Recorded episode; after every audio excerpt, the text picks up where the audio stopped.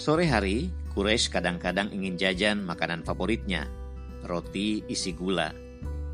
Separuh ia makan, separuhnya lagi disimpan untuk makan malam.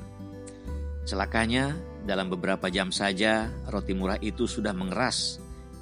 Biar kembali enak, roti itu dipanaskan. Tapi tidak ada alat pemanas, yang ada hanya setrika. Quraisy diam-diam mengendap ke ruang cuci dan menyetrika roti. Hmm, enak sekali gulanya, meleleh kena panas setrika.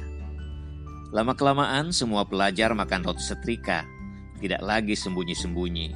Justru penghuni asrama sepakat, ada setrika untuk roti dan ada khusus untuk pakaian. Simak terus kisah-kisah inspiratif dari buku Cahaya, Cinta dan Canda Muhammad Quraisy Shihab hanya di podcast kesayangan Anda.